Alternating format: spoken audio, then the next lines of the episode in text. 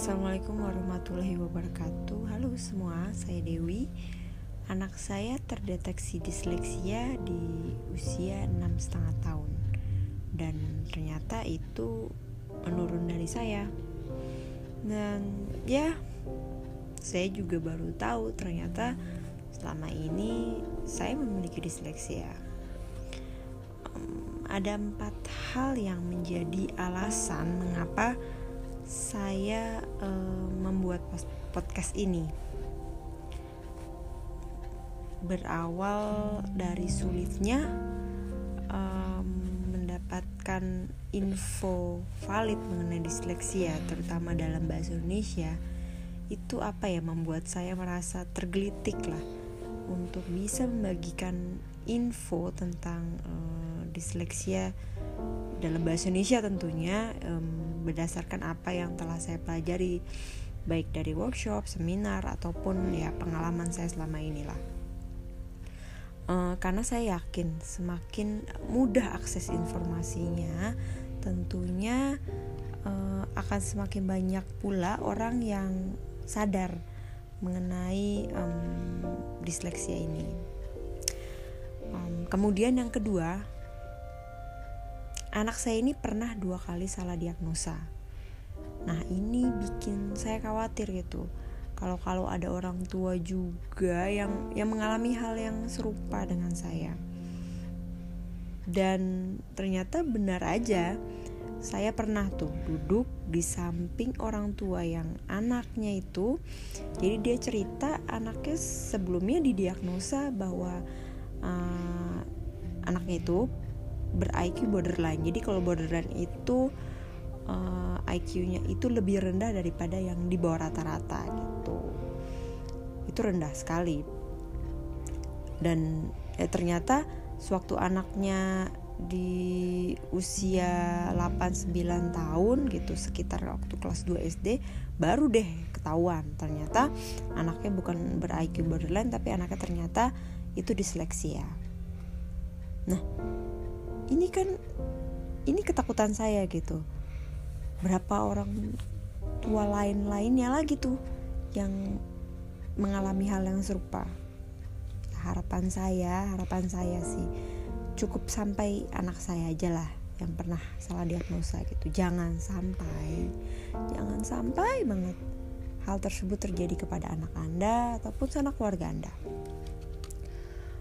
Uh, kemudian yang ketiga.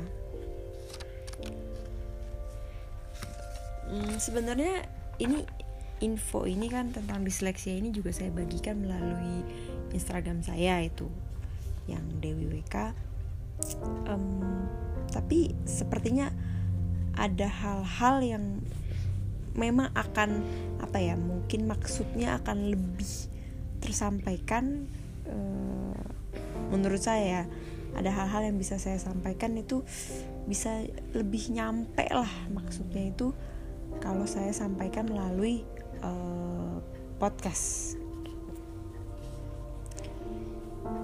Nah, kemudian nih, yang keempat, yang terakhir, ini sih yang menurut saya paling krusial. Ini yang apa ya? Ini hal ini sering buat saya itu hmm, terngiang-ngiang sulit tidur. Serius ini ini saya serius banget. Ini benar-benar buat saya terngiang-ngiang lah. Apakah anda tahu faktanya? Kurang lebih ya kurang lebih satu dari sepuluh anak itu memiliki disleksia. Dalam uh, level atau tingkatan yang beragam ya. Jadi mulai dari ringan hingga hingga berat gitu. Satu satu banding sepuluh loh. Berarti kan ini cukup banyak ya. Artinya ini common uh, umum gitu. Tapi mirisnya kok sebagian besar dari kita bahkan sebagian ya itu nggak tahu apa apa tentang disleksia. Ketika saya berbicara disleksia disleksia itu apa? Bahkan ada yang kayak belum pernah dengar gitu. Itu aja udah gila ya pas saya tahu fakta itu satu banding sepuluh. Gila loh itu bagi saya sih itu udah udah gila gitu. Tapi ada satu lagi.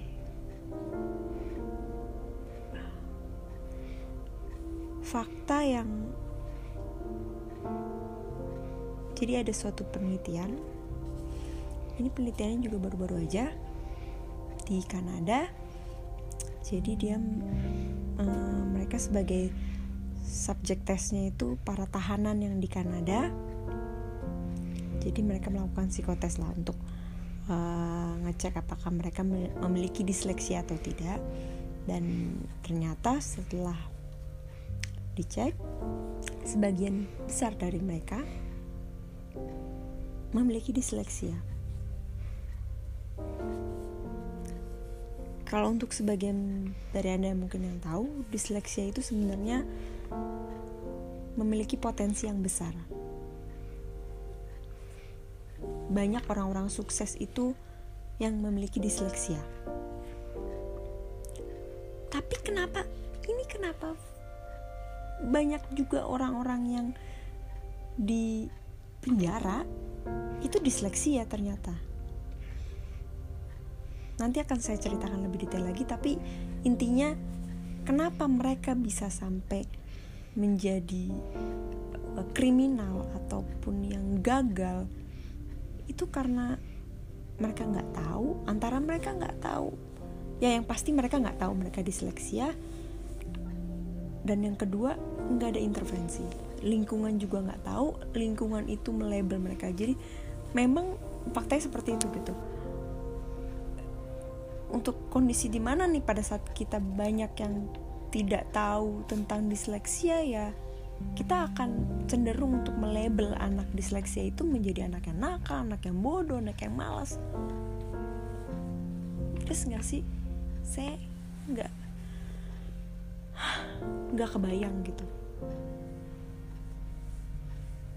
kalau itu, itu terjadi itu terjadi karena kita nggak paham disleksia gitu saya maksudnya saya bayangin aja kalau ternyata misalnya nih tahan di tes gitu ternyata banyak krimin kriminal tuh yang ditahanan di penjara itu ternyata pas dicek ternyata kebanyakan disleksia apa nggak kita merasa nggak merasa bersalah? Kita loh lingkungan nih lingkungan nih kita termasuk kita nih yang melebel itu tuh ke mereka yang harusnya mereka mungkin nggak jadi kriminal gitu. Mungkin ya mungkin harapan saya sih mungkin dengan kita semakin paham semakin sadar dengan uh, disleksia ini ini bukan main-main karena disleksia ini bukan main-main benar-benar bukan main-main. Ya siapa tahu dengan kita belajar ini paham ini dan mengubah persepsi kita terhadap eh, anak-anak uh, yang memiliki disleksia siapa tahu kita bisa menurunkan angka kriminalitas. Itu sih intinya. Jadi mungkin bukan mungkin yang saat ini yang mendengarkan mungkin anda tidak memiliki anak yang disleksia tapi mungkin lingkungan anda tetangga anda saudara anda ataupun siapa pun. Bahkan anda punya kenalan guru tolong kasih. Suruh dengerin. Suruh guru-guru yang sebenarnya paling penting antara orang tua dan guru itu sih. Agar bisa um, bisa lebih cepat mengenali sejak dini sedini mungkin. Kalau bisa dikenali sedini mungkin alangkah jauh lebih baik.